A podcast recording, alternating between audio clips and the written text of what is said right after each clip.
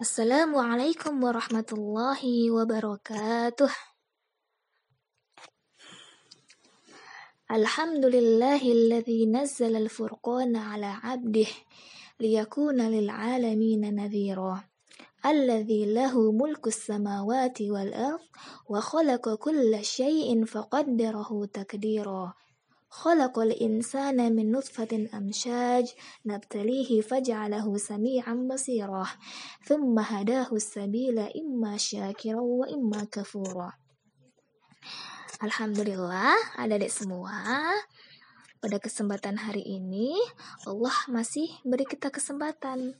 Allah masih beri kita umur supaya kita bisa belajar bersama-sama. Dan pada kesempatan hari ini, Ustazah dan adik-adik semua, kita akan menyimak dan akan belajar tentang tauhid. Dan dalam pelajaran kita pada malam hari ini, Ustazah sudah share video tentang tanya jawab seputar tauhid.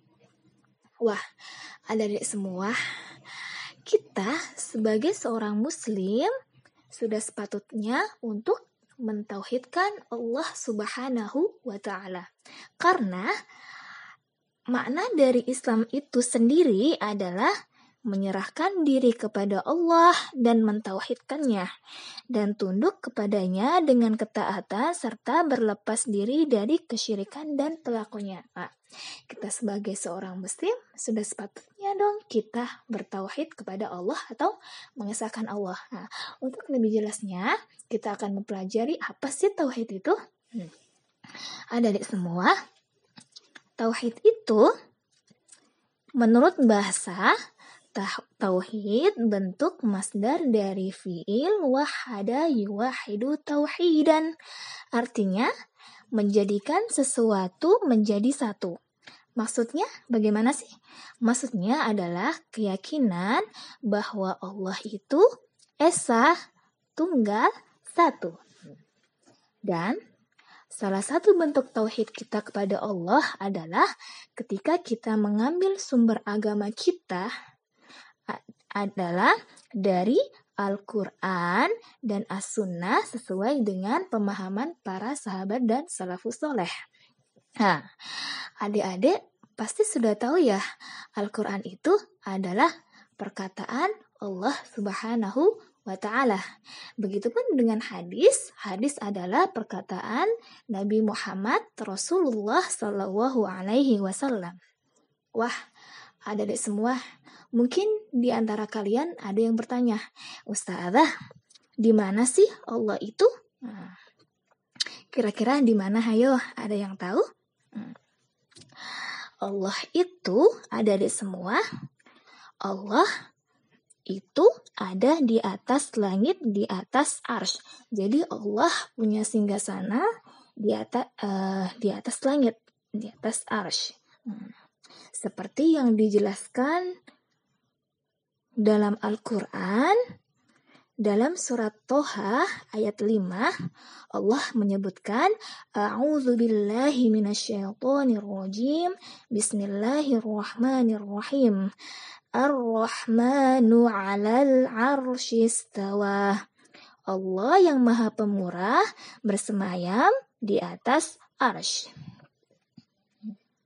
Jadi Allah itu bukan di mana-mana ya. Soalnya kita sering dengarkan ya, Allah itu ada di mana-mana loh. Enggak. Tapi Allah itu bersemayam di atas aras hanya saja ilmunya itu e, mencakup seluruh alam. Oke. Adik-adik, apa sih tujuan Allah menciptakan jin dan manusia. Tujuan Allah menciptakan jin dan menciptakan kita semua. Tujuan Allah menciptakan kita semua adalah untuk beribadah kepadanya dan tidak mensekutukannya. Jadi kita diciptakan Allah itu bukan sia-sia, bukan tanpa sebab, tapi kita diciptakan oleh Allah Subhanahu wa taala untuk beribadah kepadanya, untuk memperbanyak amal dan tidak mensekutukan Allah. Ah. Dalilnya apa Ustazah? Ah, dalilnya disebutkan dalam surat Al-Zariyat ayat 56 A'udzu billahi minasyaitonir rajim Bismillahirrahmanirrahim. Wa ma khalaqtul jinna wal insa illa liya'budun. Wa ma khalaqatul jinna wal insa illa liya'budun. Artinya dan aku tidak menciptakan jin dan manusia melainkan supaya mereka mengabdi kepadaku. Jadi adik-adik semua kita diciptakan Allah itu untuk beribadah kepada Allah Subhanahu wa taala. Dan tidak boleh untuk berbuat syirik atau menduakan Allah. Eh, dan ketika kita beribadah itu nggak nggak semua amalan atau ibadah kita tuh diterima oleh Allah loh. Karena dalam sebuah ibadah itu ada syarat-syarat yang harus diperhatikan. Apa saja syarat-syarat itu? Yang pertama adalah ikhlas karena Allah dan mengikuti tuntunan Rasulullah.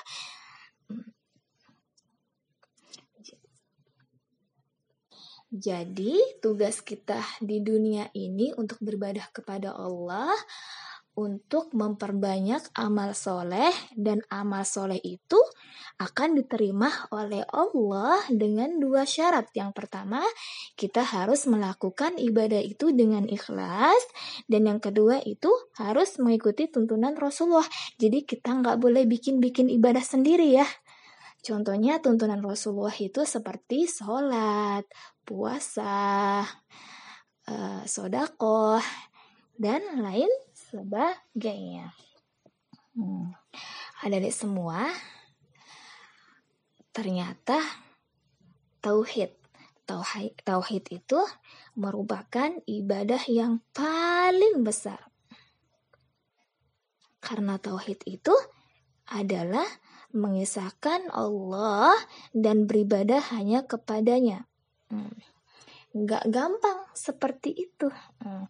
Kadang kita nih kita sudah beribadah kepada Allah kita tiap harinya bukan kita ya mungkin kita lihat orang-orang di luaran sana mereka sholat tapi mereka pergi ke dukun gitu minta tolong ke dukun itu itu merupakan kesyirikan juga karena mereka minta tolongnya kepada jin nah, itu tuh nggak boleh nah, itu artinya menjadikan Allah Tuhan atau menyembah Allah, tapi mereka juga menjadikan hal-hal lain bersama dengan ibadah kepada Allah, seperti syirik. Mereka minta tolong kepada setan itu tidak boleh. Hmm. Kemudian, dalil yang tidak membolehkan kita untuk berbuat syirik adalah sudah dijelaskan dalam sebuah ayat dalam Al-Quran di surat An-Nisa ayat 116. A'udzu billahi minasyaitonir rajim. Bismillahirrahmanirrahim. La yaghfiru an yushraka bihi ma duna dhalika liman yasha wa man yushrik billahi faqad dhalla dhalalan ba'ida yang artinya sesungguhnya Allah tidak mengampuni